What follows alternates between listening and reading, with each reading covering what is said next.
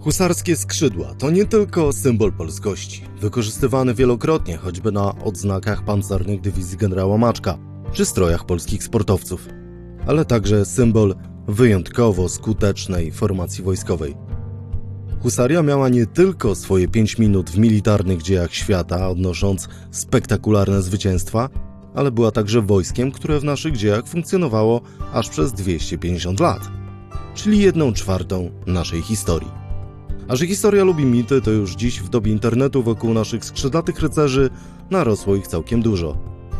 W część zaczęliśmy wierzyć bezkrytycznie, dopisując kolejne zera do liczby rozgromionych przez husarię obcych wojsk. Ile w tym prawdy?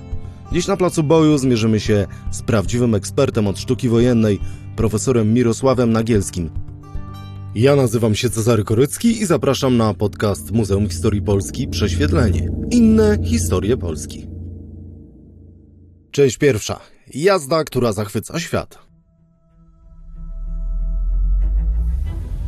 Wówczas to wyjechała naprzeciwko nas z obozu chorągiew husarska. Nigdy nie widziałem wspanialszego widoku. Wszyscy oni to szlachta polska. Na pięknych rumakach, w zbroi świetnej i lśniącej, z zarzuconymi na plecach skórami panter, lwów i tygrysów. Wyposażeni w długie kopie podtrzymywane rzemieniami zwisającymi z siodła, na których końcu, poniżej ostrza, umieszczane są jedwabne stęgi, czyli proporczyki, które furkoczą na wietrze i zwodzą oczy wrogów. Są wspaniali, ale trudno nie zaśmiać się na widok długich skrzydeł przymocowanych do ich pleców, od których, jak mi się wydaje, konie nieprzyjaciół się płoszą i rzucają do ucieczki. Przy boku mają szable, przy siodle pistolety, obuchy, siekierki i koncerze. W bitwie kopii tych może użyć pierwszy, ewentualnie drugi szereg. Pozostałym są niemal bez pożytku, dlatego chwytają się za inną broń. Zaczęliśmy od fragmentu diariusza Charlesa Ogiera, francuskiego pisarza, kronikarza i dyplomaty, który w 1635 roku przybył wraz z poselstwem na nasze ziemię. Wiadomo, co go zachwyciło. Nasza husaria. O tym dziś porozmawiam z profesorem Mirosławem Nagielskim. Policzyliśmy, że husaria to 250 lat polskiej historii wojskowości. Więc może zacznijmy od bitwy numer jeden. Gdzie i kiedy? Oceniamy, że jedna z pierwszych bitew to była bitwa pod Lubieszewem 1577 o tyle jest ona bardzo ciekawa, że dowodził Jan Zborowski, a Zborowscy nie zaliczali się e, w późniejszym okresie do e, zwolenników Stefana Batorego. Był hetmanem nadwornym koronnym i e, pokonał wojska gdańskie właśnie w tej bitwie 1577 i tutaj wsławiła się ta jazda husarska, która wykrystalizowała się z chorągi rackich, które już widzimy w wojskach koronnych w pierwszej połowie XVI wieku. No ja muszę się przyznać, że namawiałem pana profesora na taki specyficzny tytuł odcinka Niepokonani w iluś tam bitwach. No i zaczęliśmy rozmawiać o tym, jak to z tym faktem niepokonania husarii przez te wszystkie lata było. No i zaczęły wypływać takie troszkę mało znane fakty.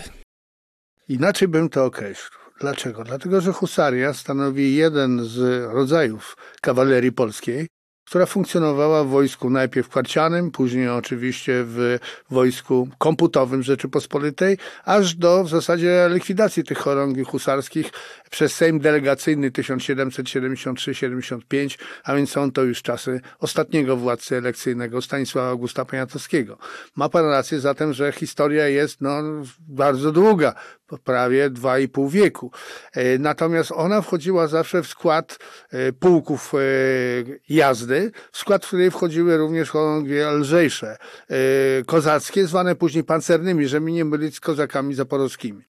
I dlaczego o tym mówię? Dlatego, że oczywiście tych chorągwi husarskich na początku było bardzo dużo.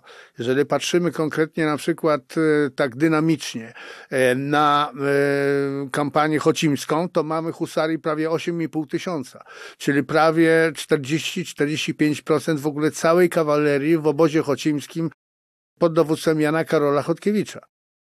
Jeżeli idziemy troszkę dalej, to już jest troszkę gorzej, bo w kampanii smoleńskiej, mówię o kampanii i wystawieniu armii odsieczowej e, pod oblegany Smoleńsk przez Władysława IV, jedną trzecią sił stanowią jednostki ciężkie, czyli te chorągie przełamania, jakim była husaria, mimo że przyszło jej działać w układzie dość dziwnym, dlatego że były to działania oblężnicze, gdzie oczywiście ważna była piechota, dragonia, a więc też strzelcze jednostki. Ale jeżeli pójdziemy dalej i patrzymy, jak wy, wygląda struktura armii koronnej w przededniu powstania Chmielnickiego, to mamy stałego wojska niecałe 4 tysiące koni i porcji, y, a więc jeszcze mniej ludzi i z tego mamy zaledwie kilkanaście chorągwi husarskich, no więc około 1300-1400 koni. A więc bardzo mało. Z różnych powodów. Dlatego, że husaria była formacją bardzo drogą, i poczet taki husarski, trzy-czterokonny, no to dobra wioska. A więc nie każdego było stać zaciągnąć się do chorągwi husarskiej. Do tego, że husaria była skuteczną, prestiżową, ale też bardzo drogą formacją wojskową, jeszcze wrócimy, ale można stwierdzić, że do pewnego stopnia taka inwestycja się opłacała, bo tych wygranych bitew było jednak troszkę. My zawsze rozpatrujemy to poprzez te perełki. Perełkami są na pewno Kirchholm 1605 i Kłuszyn 1610. No chyba najlepsza batalia stoczona przez hetmana Stefana Żółkiewskiego.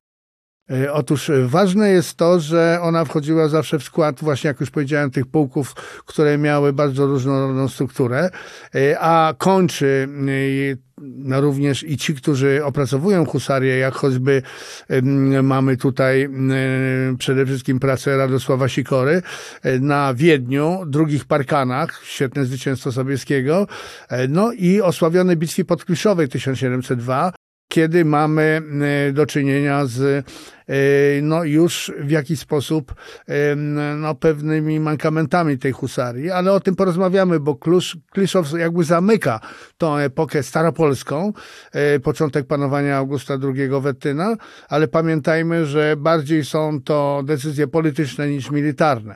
Tu pan Radosław Sikora ma o tyle rację, że husaria mimo przemian technologicznych na polu walki w Europie Zachodniej, ale i u nas. Wchodzi broń skałkowa, jednak dotarła do rejtary, do rejtary szwedzkiej, e, tylko jej nie przełamała. E, natomiast zawsze husaria wymagała wsparcia. A więc jeżeli tego wsparcia nie ma, ona uderzała, wycofywała się na pozycje wyjściowe i ponownie uderzała. E, pod Puszynem mamy sytuację kilkunastu, kilkunastu szarż. Oczywiście już nie z kopijami, bo one zostały starte, czyli inaczej mówiąc zniszczone. I później husaria działała w oparciu o, o oczywiście koncerze i o mm, szable. E, ale nadal mając świetne konie, mając e, jednocześnie uzbrojenie ochronne, była groźnym przeciwnikiem dla każdej rejtarii. Czy będzie to rejtaria cesarska, czy będzie to rejtaria szwedzka. Opowiedzieliśmy o bitwach, uchyliliśmy trochę rąbka techniki wojskowej, ale zapytajmy może, skąd w ogóle wziął się pomysł na hustarię? Są twierdzenia, że było to wojsko w jakiś sposób zaadoptowane przez Rzeczypospolitą i wręcz skopiowane z formacji z Bałkanów, a nawet z Imperium Otomańskiego. Tak, dlatego że jeżeli obserwujemy mm, przede wszystkim ikonografię mm, turecką, to porównujemy husarię z silahdarami, czyli właśnie tą ciężką y, jazdą turecką, y, zaopatrzoną też często w pióra, a więc orle, a więc bardzo zbliżoną do husarii polskiej. Y, natomiast oczywiście te wzory Epoka Sobieskiego zaciążyła, epoka Batorego zaciążyła tutaj, to nie tylko ze względu na reformy, jakie przeprowadził, a więc piechota wybraniecka e, i mm, szereg innych reform, e, ale przede wszystkim ujednolicenie uzbrojenia tej jazdy i e, w jakiejś mierze zaopatrzenia jej w te dłuższe kopie a więc y, które już sięgały 5,5 metra, a więc y, nie stanowiło mm, problemu rozbicie nawet y, gęsto uszykowanych pikinierów. Mówię o czworobokach tych zachodnioeuropejskich formowanych na polach wojny, wojny 30-letniej. Ja myślę, że trzeba przyznać, że każdy nowy typ sił zbrojnych w każdej epoce ma swojego promotora. A tutaj tym ewidentnym promotorem był Stefan Batory. Można powiedzieć, że gdyby nie Batory, to Husarii by nie było? Chyba tak daleko bym nie poszedł. Natomiast te przemiany najbardziej widać w właśnie epoce batoriańskiej, chociaż husaria też odgrywała, czyli ciężka jazda, pewną rolę w zagonach, które prowadził choćby Krzysztof Radziwiłł. Wiadomo, że trzy kampanie Batorego, czyli najpierw Połocka, później wyprawa na Wielkie Łuki, a następnie pod Psków, no to są wyprawy oblężnicze.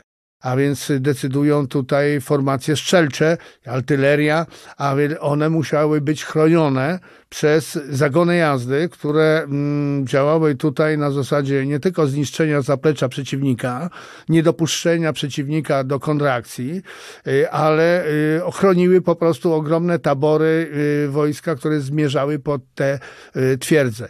I mm, stąd mówimy, że ona nabiera jakby waloru nie tylko świetnej jazdy działającej na Teatrze Wschodnim. I tu kilka słów o Teatrze Wschodnim, e, dlatego że jeśli patrzymy na działania w Europie Zachodniej, są to działania wybitnie manewrowe. I to będzie funkcjonowało również aż przez cały wiek XVII. E, natomiast e, my mamy zgodnie z zasadami staropolskiej sztuki wojennej Otona Laskowskiego tak zwane głód bitwy. Co to jest? My nigdy nie mamy kasy. Chyba do dzisiaj. I w tym momencie y, Hetman musiał zaczynać kampanię, ale ją zaraz kończyć. Pieniędzy by starczyło konkretnie na jeden kwartał lub dwa. A więc nie mogliśmy się bawić w podchody, oblężenia, tylko dopaść przeciwnika i go zniszczyć. Zniszczyć siły żywe przeciwnika. E, widać to nawet po kampanii wiedeńskiej. No proszę sobie zauważyć zupełnie inne koncepcje oswobodzenia Wiednia, e, który e, broni się, ale mamy Karola Lotaryńskiego, który ma koncepcję odblokowania za wszelką cenę Wiednia, ale w działania manewrowe wzdłuż Dunaju. Sobiecki ma koncepcję zniszczenia armii Kara Mustafy, a można to robić, e, zrobić atakiem kilkunastotysięcznym uderzenia jazdy, kawalerii, na Wiedenkę i doprowadzić konkretnie do otoczenia nie tylko Tirkenszansu, ale również całego zgrupowania wojsk tureckich Kara Mustafy. No, wiadomo, wybrano półśrodek. Wykonano y, z jednej strony tą szarżę, która doprowadziła do klęski wojsk tureckich, ale z drugiej strony y, wolno, ale mimo wszystko posuwały się oddziały cesarskie wzdłuż Dunaju i one także dotarły pod mury y, pod mury Wiednia. Ale całą palmę zwycięstwa zdobył Jan III Sobieski. Półgodzinna szarża doprowadziła, że to on znalazł się w namiotach kara Mustafy. Wiedeń, Kłuszyn, Kirchholm i te ogromne liczby, w których y, w tysiącach już obecnie artykułów w internecie mówi się o tym, w jaki sposób z ogromną przewagą polskie wojska i polska husaria rozbiła przeciwników. Ile jest prawdy, a ile mitów w tych liczbach? Rzeczywiście, biorąc pod uwagę różnicę sił, tak pod Kuszynem, jak pod Kirchholmem, e, to przewaga była zawsze po stronie przeciwnych, a więc i Szwedów, i Moskwy. I często ona była trzy, czterokrotna. A więc walor tej jazdy jest e, niepodważalny. E, nie tylko, ale wymagało to wielu elementów zgrania, świetnego zgrania towarzyszy husarskich, a więc tych, którzy służyli w husarii, e, świetnego dowódcy, który no, wydawał komendę w bardzo istotnym momencie, kiedy albo oddano już salwę przez pierwszy szereg, a wiemy, że szczególnie w początku XVII wieku ładowanie tutaj broni no, trwało, a więc co trzy mniej więcej minuty następowała kolejna palma ogniowa. E, trzy, e, żeby ta szarża nie miała, miała dobre warunki terenowe, a więc na przykład nie szarżowanie pod górę i szereg innych elementów. Po drugie pamiętajmy, że do pierwszej połowy XVII wieku e, ta husaria święci sukcesy na wszystkich trzech teatrach operacyjnych. Oczywiście zdarzają się wpadki, ale one są dyskusyjne, jak na przykład bitwa pod Gniewem 1626, e, gdzie była ona bitwą nierozstrzygniętą, ale nie dość, że warunki były fatalne terenowe, a husaria wykonywała wielokrotne ataki na pozycje e, szwedzkie. E, ale mimo wszystko był to inny materiał koński, inny materiał ludzki. E, mówię pod kątem wyszkolenia, e, biorąc pod uwagę to, co się stało po 1648 roku. Kiedy husaria przeżywa pewien kryzys. Nie tylko husaria, ale w ogóle cała armia koronna. Dlaczego? Dlatego, że mamy do czynienia no, z wodzem, który przerósł innych wodzów kozackich, mówię o Bogdanie Chmielnickim, i mamy do czynienia z czymś, czego nie mieliśmy do tej pory Bo jak walczyliśmy z Tatarami, to głównie nie husaria, ona była siłą przełamania, ale Tatarzy byli jazdą lekką, lotną, manewrową i tutaj lepiej radziły sobie na dłuższy dystans chorągwie lżejsze, tak zwane kozackie, zwane później pancernymi. Natomiast istotnym elementem w tym wszystkim jest połączenie szably z taborem kozackim. Tatarzy uzyskali wsparcie ogniowe taboru kozackiego, a tabor kozacki uzyskał wsparcie lotnej, szybkiej, manewrowej jazdy tatarskiej. I z tym nie mogliśmy sobie zupełnie poradzić. No, ktoś będzie protestował, bo mówi aberesteczko. Ale pamiętajmy, że w drugim dniu bitwy ponosimy olbrzymie straty, bo te pułki jazdy oddaliły się od obozu, gdzie był nafaszerowany, przepraszam za słowo, jednostkami ogniowymi, dragonią, piechotą, rajtarią i zostały wzięte, w, w, zostały okrążone przez pułki yy, tatarskie z wszystkich stron. Straty były poważne. Stąd między innymi hetmani yy, żądali od Jana Kazimierza zamknięcia się w obozie. No na szczęście wiemy, że Jan Kazimierz wyprowadził centrum i to centrum, a nie kawaleria rozstrzygnęła tą bitwę w trzecim dniu yy, właśnie starcia pod Beresteczkiem. A więc z tym było bardzo różnie. Ale zdarzało się, dlaczego mówię, że husaria jest uniwersalna. W dobie potopu mamy ogromne kłopoty. Oczywiście wiemy, że walczymy pro publico bono, bo sejmy się nie zbierają, więc nie znam takiej armii europejskiej, która była walczyła bez pieniędzy, ale ekspiacja za zdradę 55 roku miała też swoje znaczenie. I mamy tutaj czy atak na Tykocin, czyli próba e, zdobycia Tykocina. Husaria zsiada z koni, bo nie ma zbyt dużej ilości piechoty i działa jak spieszona piechota. Niejednokrotnie ma sukcesy w pogoni, chociaż tu są lepsze oddziały lekkie. To znaczy kawaleria lekka wprowadzona przez nas po tych klęskach, po dramacie jazdy koronnej, jak pisze Jerzy Teodorczyk, w pierwszych latach powstania Chmielnickiego. My zaciągamy dużą ilość chorągwi lekkich, wołosko-tatarskich, które mają inne zadania niż husaria, jazda przełamania, ale na krótki dystans. Natomiast ta jazda wołosko-tatarska jest do czego? No do pościgu, do schwycenia języka, do, e, można powiedzieć, e, w jakiejś mierze dotarcia do przeciwnika, utrzymania go przez pewien moment do dotarcia głównych sił.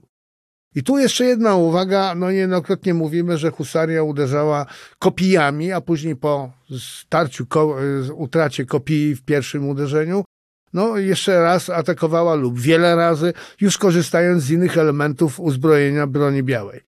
Pamiętajmy, że nieraz nie ma wsparcia, jak na przykład bitwa pod Warszawą 1656. My już wyjaśniliśmy, to znaczy młodzi, oczywiście moi koledzy wyjaśnili, że w szarze nie brało udział 6-8 chorągwi husarskich, ale to był rekonesans. To, co miał pod ręką, rzucił Jan Kazimierz, czyli dwie chorągwie husarskie litewskie. Królewską pod Aleksandrem Hilarem Połubińskim i drugą konkretnie Pawła Sapiechy, hetmana Wielkiego Litewskiego. Wszystko to było na papierze e, około 350 koni, a de facto, biorąc pod uwagę ślepe porcje, bo one są zawsze, czy w piechocie, czy w jeździe, e, około 300 husarzy. Połowa z nich zginęła, ale oni dotarli do pierwszego rzutu e, z kwadronu frajtarii e, szwedzkiej, rozbili pierwszy rzut, dotarli do drugiego i tutaj zostali powstrzymani bocznym ogniem innych regimentów brandenburskich i szwedzkich. No i co się dzieje? Jan Kazimierz chce uruchomić odwód, czyli uderzenie kilku, no, kilku tysięcy jazdy i szlachty pospolitego ruszenia, ale nikt nie chce się ruszyć. Jak pamiętnicy mówią, patrzymy, co, jak się tej husarii powiedzie ale nikt nie ruszył. I w tym momencie odpływają oni oczywiście z, e, z e, wzgórz praskich. E, no i wiemy, że atak był tak silny i tak zrobił duże wrażenie na przeciwniku, że już tego dnia działania zbrojne drugiego dnia Bitwy Warszawskiej zamarły. A więc musiały być one duże, dlatego że Karol X Gustaw jako wódz naczelny armii brandenbursko-szwedzkiej na ten dzień dał sobie spokój a dopiero trzeci no, w jakiś sposób zaciążył na tym, że ta batalia zakończyła się przegraną strony polską. Część druga. Elita na kredyt. Usaszowie są, co noszą żelazne kaftany na sobie, Szyszak na głowie, żelazne zarękawie na ręku, kopia długa na siedem i pół łokcia.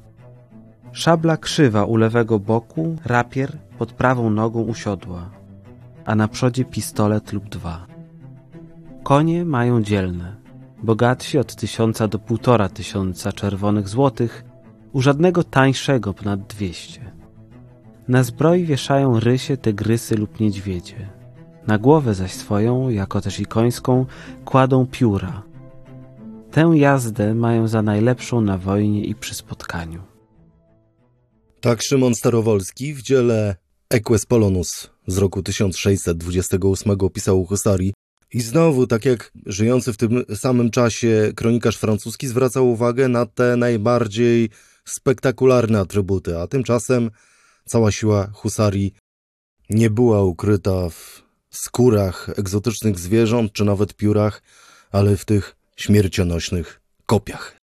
I do tego jeszcze bardzo ważna uwaga, bo spróbujmy utrzymać taki mierzący powiedzmy 4 metry kawałek drewna, czy drewnianą tyczkę, jeszcze jadąc na koniu i trzymając to jedną ręką. Jest to praktycznie niemożliwe, więc tutaj pojawia się ciekawostka związana z kopiami kopije były drążone, czyli one były z drewna, ale nie pełne.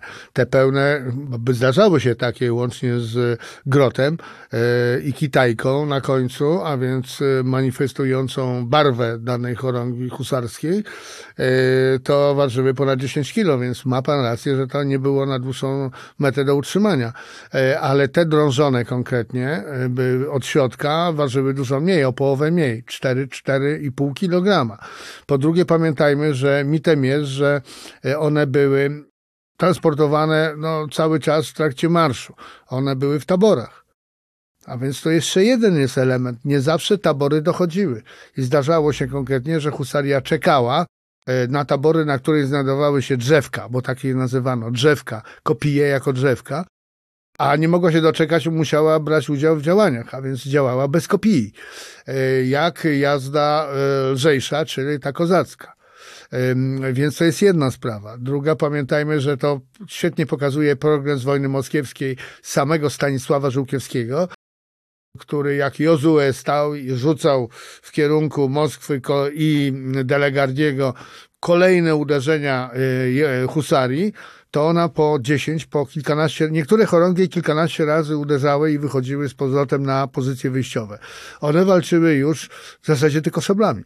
Dlaczego? Dlatego, że koncerz mający około 1,20 m, 1,30 m, jeżeli został uruchomiony, to znaczy w trakcie szarży i przebijał muszkietera, e, często nawet dwóch, zdarzały się takie opisy, to już go nie wyciągnął w trakcie cwału e, i w tym momencie pozostawała mu tylko szabla ale y, no, Kłuszyn jest tego klasycznym przykładem, bo najpierw trzeba było oczyścić pole z kobylyn, e, wszystkich zapor, za którymi, płotów tak zwanych, za którymi e, stała piechota moskiewska i, i oczywiście e, sił sojuszniczych, a dopiero potem próbować przez te płoty kolejne, atak, kolejne ataki prowadzić na zgrupowanie moskiewskie i wojsk przemierzonych z Moskwą.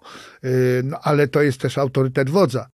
E, mamy kampanię, gdzie e, w zasadzie trudno zmusić trudno zmusić e, towarzystwo do działań, jak już powiedziałem, pod Warszawą, a tutaj no, kilkanaście szarż świadczy o niesamowitym autorytecie Stanisława Żółkiewskiego, hetmana, hetmana polnego koronnego.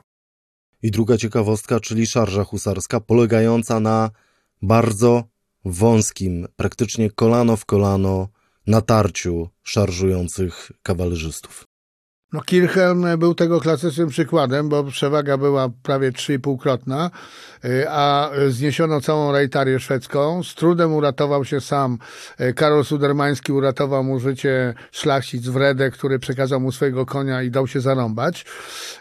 Natomiast, natomiast później husaria wróciła na pole bitwy no i dokonała pogromu tych regimentów pieszych, które nie miały szansy wydostać się z pola walki. Szarże pod Kirchholmem już mamy za sobą. Y, od razu powiem, że starałem się przygotować do tej naszej rozmowy i natrafiłem na pana całkiem nowy artykuł Blaski i cienie działań husarii koronnej w XVII wieku. No porozmawialiśmy o tych blaskach, a to jakie były te cienie? tej naszej legendarnej formacji wojskowej? Po pierwsze, za długo ta przygoda. E, oczywiście te przemiany w technologii, w przemiany w e, nowocześnieniu broni palnej, gdzie już ta broń skałkowa, to można było nawet oddać dwa, przy dobrym wyszkoleniu żołnierza nawet dwa strzały na minutę, no zmieniała obraz pola walki. Oczywiście to nie znaczy, że husaria nie miała żadnych szans. Pod dobrym dowodzeniem e, i jak mówię, dobrym wyszkoleniem można było dotrzeć do oczywiście przeciwnika, e, ale należało wtedy e, to uderzenie powtórzyć i jeszcze w dodatku wzmocnić poprzez następne oczywiście rzuty, jazdy, choćby lżejszej. Dlatego, że pułki mają to do siebie jazdy, że były jedna lub dwie chorągie husarskie, a reszta były chorągie lżejsze. E, tu mamy przykład, e, szczególnie pod Kryszowem, pokazania, no, że ta husaria już no, ma kłopoty. To jedna sprawa. Oczywiście są historycy, którzy twierdzą, że nic się nie zmienia, że mimo tych przemian w technologii, w wchodzeniu broni skałkowej, e, to jednak husaria nadal sprawdza się. Ja bym polemizował z jednego powodu. Po pierwsze, pamiętajmy, że epoka Sobieskiego zaciążyła troszkę na epoce Wielkiej Wojny Północnej.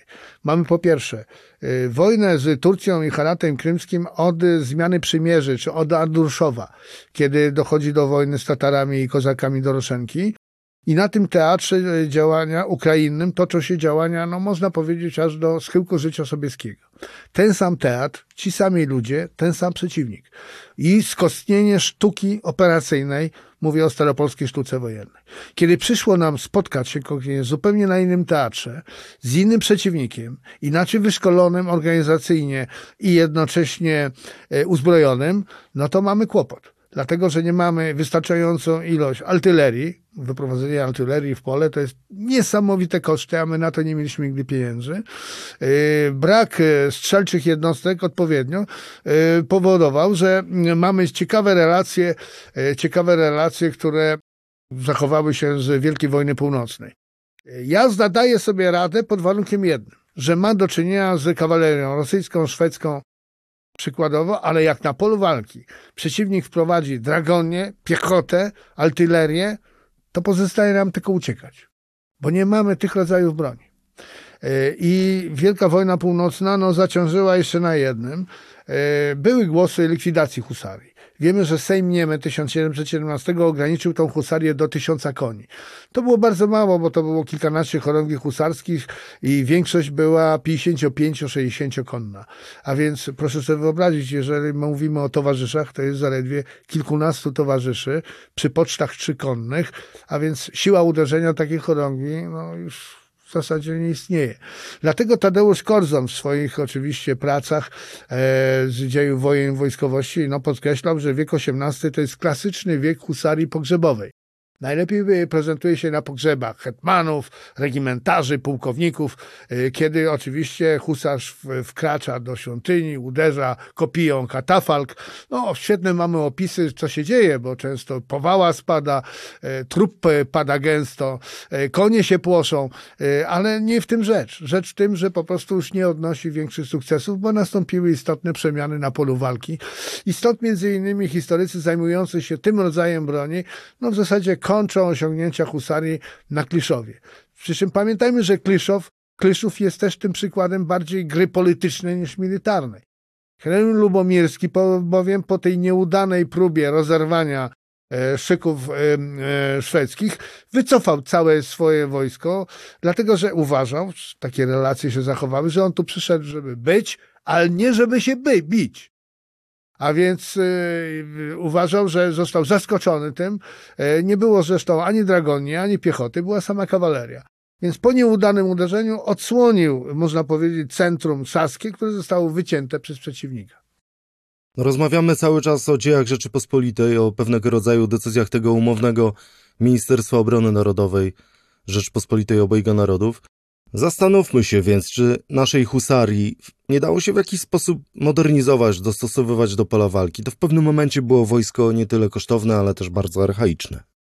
Sam Sobieski wprowadzał też pewne reformy, e, choćby jeżeli chodzi o regiment pieszy pod dowództwem Ernesta Denhoffa, to on jako jedyny został zaopatrzony w broń skałkową. A więc dla nas to nie było zaskoczenie. Wiedzieliśmy, że zmienia się technologia. Z kolei jazda lekka została zaopatrzona we włócznie. To było pod kątem konkretnie właśnie przeciwnika wojsk e, tureckich i tatarskich. No i trzecie, wprowadzenie berdyszy. To była też e, innowacja polegająca na tym, że zamiast forkietu berdysz służył nie tylko do podpórki, do oddania strzału, ale był no, bronią bardzo niebezpieczną dla atakującej jazdy, biorąc pod uwagę dobrym posługiwaniem się berdyszem piechoty. Ale wracając do XVIII wieku, pamiętajmy, że no, tutaj mamy bardzo małą armię liczebnie. Na papierze to jest 24 tysiące, 18 korona, 6 tysięcy Litwa, ale odliczając ślepe porcje na utrzymanie kadry oficerskiej i podoficerskiej, to jest 13,5 tysiąca wojsko koronne i około 4 tysięcy wojsko litewskie. To jest unikalna sytuacja, dlatego że nasi sąsiedzi yy, oczywiście dysponują kilkuset tysięcznymi armiami i to już unowocześnionymi. Y, my oczywiście staraliśmy się coś zrobić, y, ale walka polityczna między regalistami i opozycją, szczególnie chodzi tutaj o lata 40. Każdy Sejm który był zrywany, to był zrywany w walce o tak zwaną aukcję wojska. Aukcję wojska, czyli powiększenie tego wojska i modernizacji. Najpierw oczywiście rwali te sejmy republikanci, y, a później familia, która po 1751 roku po śmierci Józefa Potockiego przeszła pod opozycji. I tak wyszliśmy w czasie Stanisławowskim. I dopiero Sejm Delegacyjny, niestety po pierwszym rozbiorze, podjął się tej historycznej decyzji likwidacji husarii i wprowadzenia brygad kawalerii narodowej i jej zaopatrzenia w karabinki strzelcze. Ale to było o dobre dwa, trzy pokolenia e, wcześniej. Dlaczego tego nie zrobiono już, kiedy daliśmy plamę w Wielkiej Wojnie Północnej? E, hetmani mieli nawet takie pomysły, ale bali się tego ruszyć ze względu na Konfederację Tarnogrodzką, a szlachta była zakochana w tym rodzaju broni. Służyli to jej synowie. No i to był prestiż. Służenie w husarii wskazywało no, po prostu na pewien prestiż społeczny. E, ale z tym było też bardzo różnie, e, dlatego że popisy chorągwi, szczególnie ma, dochodzimy do takich w archiwach wschodnich, e, głównie w Lwowie, e, ale nie tylko. Mamy popisy tych e, rod husarskich i to królewiczów Jakuba Konstantego Sobieskiego, no to mówimy o pauperyzacji tego, tego towarzystwa. Na stukonną chorągiew mamy no, około 50 towarzystwa, czyli patrzmy na poczty one są jedno albo dwukonne.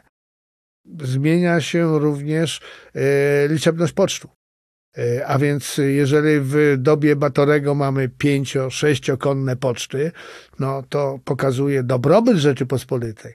Pamiętajmy. No tu bym zwrócił uwagę na te sprawy gospodarcze, e, dlatego że już załamanie cen zboża, zboża na rynkach zachodnioeuropejskich w Amsterdamie w 1620 roku w jaki sposób ograniczało możliwości folwarku, który de facto stanowił o potędze Rzeczypospolitej, e, a w późniejszym okresie mimo, mamy jeszcze jedną rzecz, inflacja. Jeżeli żołd husarza w e, latach dwudziestych jeszcze to 15 zł za kwartał, to już w 1948 roku 40 plus złotówka na kuchenne, czyli 41. W połowie XVII wieku będzie to 51 zł. No i jak nie mówić, kochać husarii, jeżeli oni walczyli pro publico bono. Bo jeżeli wystawienie nawet trzy konnego pocztu kosztowało, no mniej więcej, jeżeli to był Arab, półarab, dobry koń, e, nadający się do husarii, e, to od 1000 do 1500 zł, to, trzy, to już jest kilka tysięcy. A gdzie jest e, uzbrojenie ochronne i zaczepne? Tego nie liczę. Sam układ koński.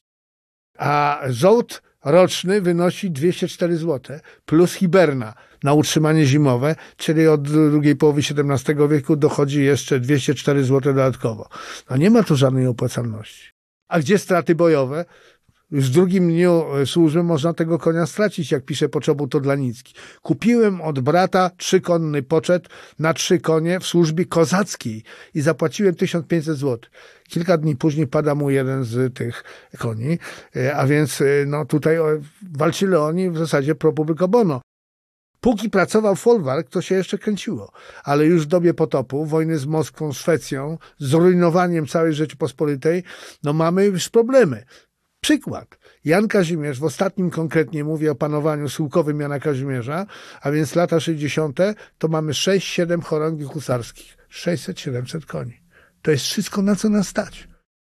A z kolei, jeżeli chodzi o Sobieskiego, odnowił tą husarię. Widać to, Chocim, widać Wiedeń, kampania wiedeńska, to jest 25 e, chorągwi husarskich, czyli no, 3000 porcji, ponad 2,5 tysiąca husarii. E, no dlatego, że to zaczęło, zaczęliśmy się odbijać gospodarczo po potopie. Ale największą stratę gospodarczą ponosimy właśnie w dobie Wielkiej Wojny Północnej. E, wbrew pozorom to nie potop, po potopie się, zaczynamy się powoli odbudowywać, ale Wielka Wojna Północna, ogromne epidemie, straty wojenne spowodowały zapaść, e, z której wychodzimy dopiero w schyłku panowania Augusta III Wettyna. A to ma znaczenie, jeżeli chodzi o te sprawy gospodarcze. No właśnie, bo tu jest istotny czynnik gospodarczy, istotny czynnik związany z kosztami. Czy to prawda, że żeby być husarzem, to trzeba było sprzedać kilka wiosek i, i jaką realną wartość miała stawka żołdu wynoszącego 54 zł? 51, tak, w połowie oczywiście XVII e, wieku, plus oczywiście później Hiberna. E, no to jest trudne do określenia, bo po pierwsze nie wszystko wiemy, bo jeżeli mamy spisy, registry, chorągwi husarskie, jakikolwiek, to mamy imię i nazwisko i liczba wystawianych koni w poczcie. Ale przecież są jeszcze, jest czelać, która nie jest wliczana. E, no trudno, my mamy takiego rzędziana, doskonale go znamy. On jest od nalewania pucharków wina, on jest od czyszczenia butów, e, czyszczenia broni. E, no zapewne nie walczy i nie wchodzi w skład pocztu pocztowi to także szlachta, ale do końca tego nie wiemy, dlatego że my nie wiemy, kto wchodził w skład tych e, pocztowych. Oni e, biorą udział w działaniach wojennych, e, ale my nie wiemy ich pochodzenia społecznego. To, że e, służyli w husarii również nieszlachcice, to doskonale wiemy. Dlatego, że e, mamy dużo nobilitacji e, w volumina legum, czyli w drukowanych konstytucjach sejmowych i mimo, że ograniczono królowi możliwość przedstawiania przedstawiania do nobilitacji nawet żołnierzy, to mogą to robić hetmani. I nikt, szlachta nie protestuje. I mamy wiele wypadków właśnie, że poprzez służbę w husarii ci ludzie otrzymują klejnot szlachectwa. A więc z tym jest różnie, a mówimy o towarzyszach. A jak wyglądała sprawa pocztowych? Tego nie wiemy. A jak czeladzi? A więc zatem i liczebność chorągwi budzi tu pewne e, kontrowersje, dlatego że e, inna jest liczebność chorągwi e, na papierze, bo mm, pisarz polny i jego sztab ludzi rozlicza daną chorągiew i mamy tak zwane e, popisy, te registry, pod którymi musi podpisać się urzędnik, czyli pisarz polny albo jego namiestnik i wtedy dopiero wypłata następuje ze skarbu koronnego. Ta liczba wchodzących w skład tej chorągwi to jest wielki znak zapytania, dlatego że straty Dezercję nawet, dlatego że część opuszcza domowe pie i udaje się do domowych pieleszy, a pozostawia tylko poczet. A więc y, jak, a ponadto straty wojenne. Więc y, my na dobrą sprawę mało mamy e, spisów wojska w trakcie kampanii, y, Natomiast mamy rachunki skarbowe, ile ta chorągwiew czy chorągwie miała pod swoim, w swojej liczebności w poszczególnych ćwierciach danego roku ale czy rzeczywiście tak było, trudno powiedzieć. Natomiast koszty były ogromne, bo trzeba było utrzymywać się. E, oczywiście, że wojsko żyło kosztem społeczeństwa. W księgach grodzkich i ziemskich mamy czarny obraz wojska, no bo jeżeli im nie płacono, a z czegoś musieli, musieli żyć, no to nie tylko grabili y, tutaj królewszczyzny, a więc y, tam, gdzie mieli stacje, czyli y, otrzymywali przystawstwa, czy mogli przebywać zimą y, w królewszczyznach, w starostwach, ale wchodzili do dóbr duchownych, wchodzili do dóbr prywatnych, co było zakazane prawem, no bo głodny żołnierz musiał się w jakiś sposób właśnie wyżywić. I, I stąd tak dużo protestacji, także na chorągwie husarskie. które były opłacane, no bardzo można powiedzieć, z dużym dystansem, poślizgiem. Y, podam jeden przykład. No, y, jeżeli mamy wojnę z Moskwą, a później ze Szwecją i państwo nie funkcjonuje, pierwsze Sejmy 58-59 w dobie potopu, to wojsko y, walczy na zasadzie zaliczek, ale nie dostaje żołdu. To spowodowało, że po wielkich zwycięstwach na teatrze białoruskim, Połon Kalachowicze i ukraińskim, a więc Cudnów, Słobodyszcze, wojsko mówi dość. Sześć lat walczymy bez w zasadzie żołdu. I dochodzi do dwuletnich konfederacji wojska koronnego i litewskiego, które wypowiada posłuszeństwo królowi Rzeczypospolitej. E, ale to dla mnie jest element, że w ogóle walczyło sześć lat bez pieniędzy, bo jest to niemożliwe w Europie Zachodniej. Tak przed 1648 roku mówię o wojnie 30-letniej, jak i po. Nie ma pieniędzy, nie ma służby, ale my jesteśmy troszkę inni. Część trzecia. Zmierzch skrzydlatych rycerzy. W części trzeciej porozmawiamy troszkę o tym, jak przyszło nam się niestety rozstać z husarią, czyli o wieku XVIII, ale skoro zatytułowaliśmy ją Zmierzch skrzydlatych rycerzy, to może zapytajmy, jaka była prawda z tymi skrzydłami, legendarnymi skrzydłami. Czy nie był to tylko wizerunek wykreowany przez XIX-wiecznych malarzy, tak troszkę dla pokrzepienia serc. Y, mamy napleczniki. Na naplecznikach mamy mocowania pod skrzydła.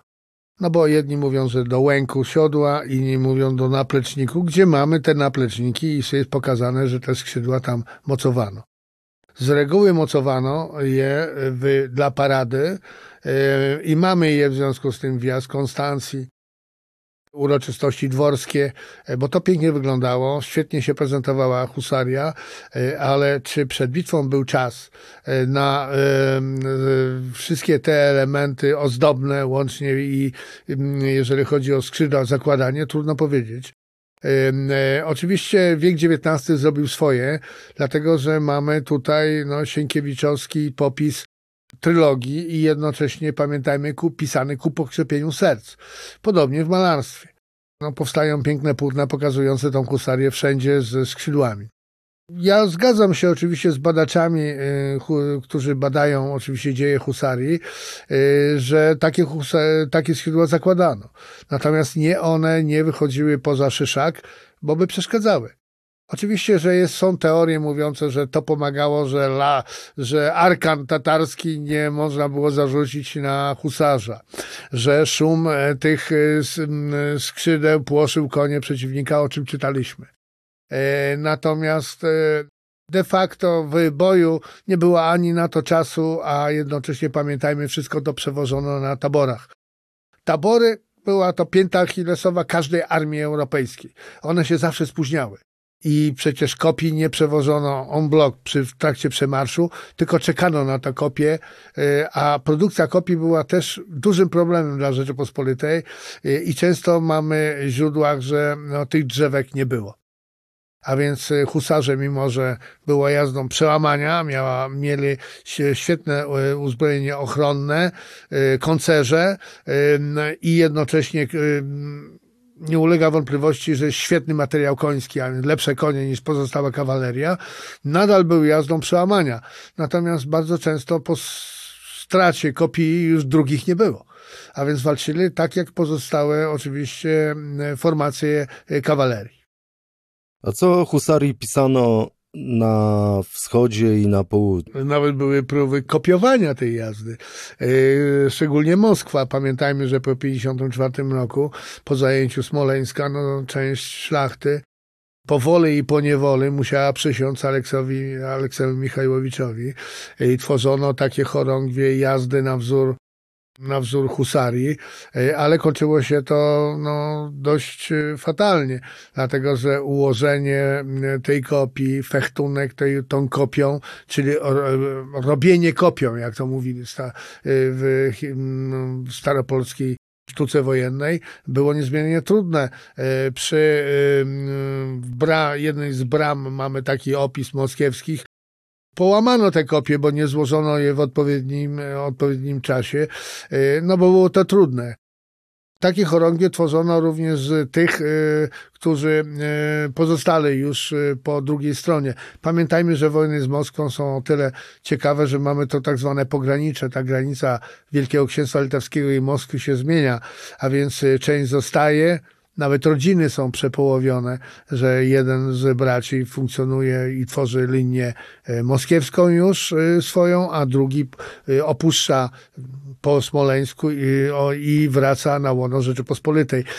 I z, tych, z tego elementu próbowano, próbowano tworzyć takie chorągwie, ale z bardzo miernym skutkiem.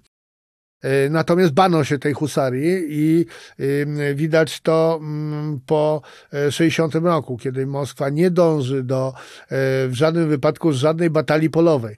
Po tych klęskach 60 roku Czermach nazwał to cudowny rok 60 i na Białorusi i na Ukrainie. Mimo, że mamy konfederację wojskową dwuletnią, czyli działania zamarły de facto, Moskwa jest na tyle osłabiona i pamięta te klęski 60 roku, że kiedy idzie kolejna wyprawa e, pod osobistym dowództwem Jana Kazimierza Wazy, tak zwana Zadnieprzańska, przełomu 63-64, zamyka się Moskwa w twierdzach, nie próbując po prostu tutaj rozstrzygnąć e, tej ostatniego fragmentu wojny z Rzeczypospolitą w postaci walnego starcia. Zdają sobie sprawę, że w konfrontacji polowej batalii polowej nie mają szans. A kogo możemy uznać za legendarnego i najbardziej znanego, a może ostatniego polskiego huksarza? No mamy przede wszystkim Rocha Kowalskiego. Y, on jest tym symbolem konkretnie potopu i wiadomo, zagościł wypowieści Sienkiewicza. Ale tu ciekawostka. E, oczywiście młodsi koledzy e, odkryli już całe sedno sprawy, jak to było z tą bitwą warszawską i z tym pojedynkiem Rocha Kowalskiego z Karolem X Gustawem. E, okazuje się, że z husarii Połubińskiego to nie jeden, a kilku husarzy uderzyło na Karola X Gustawa, chronionego przez swoich gwardzistów.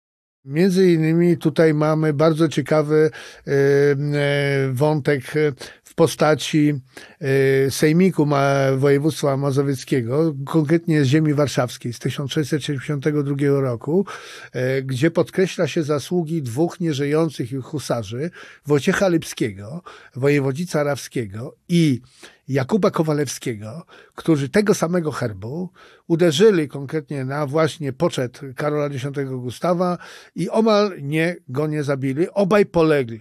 E, nie przypadkiem w różnych źródłach pamiętnikarskich mamy jeszcze kilku e, husarzy wymienionych, że brali udział w tym ataku. Niejakiego Dąbrowskiego i Konstantego Odachowskiego. E, a więc no, w jakiejś mierze wydaje się, że to była cała grupa husarzy, która widząc Karolusa chciała zakończyć, przyspieszyć koniec wojny. Oczywiście Szwedzi widzą to zupełnie inaczej i Pufendorf, który teraz wydaliśmy tą kronikę wojennych czynów Karola X Gustawa, e, widzą to starcie z kilkoma Tatarami, e, z osobistą ochroną Karola X Gustawa, który go uratował pułkownik Bengt e, Travare, a więc Szwed. No, my mamy jeszcze jedną relację, że miał to zrobić będący u boku Karola X Gustawa sam koniuszy Wielkiego Księstwa Litewskiego Boguś Radziwił, Bogusław Radziwił. Ale on w swojej autobiografii o takim chwalebnym czynie nie mówi. Więc przyjmujemy, że było to kilku husarzy. No i ten Kowalewski Jakub, no zapewne był pierwowzorem dla e, Sienkiewicza e, Rocha Kowalskiego. Panie profesorze, dziękuję bardzo za tak ciekawą opowieść o dziejach polskiej husarii. Ja również dziękuję. Nie ulegam wątpliwości, że husaria jako rodzaj kawalerii w jakiś sposób e, się po prostu pięknie zaprezentowała, szczególnie w XVII wieku, a że w XVIII wieku przeżywała no, duże kłopoty, no to już zasługa no, naszych rodaków, że e, nie zmodernizowali armii koronnej litewskiej tak, abyśmy mogli przeciwstawić się Moskwie dlatego że ten okres był za krótki y, i reformy Sejmu Czteroletniego no, nie były w stanie tych opóźnień nadrobić. Wysłuchaliście podcastu Muzeum Historii Polski Prześwietlenie. Inne historie Polski. Podcastu możecie posłuchać na YouTube, Spotify, Google Podcast, na Audiotece i w aplikacji Empik Go a także na innych platformach podcastowych. Chcesz być na bieżąco? Subskrybuj kanał Muzeum Historii Polski.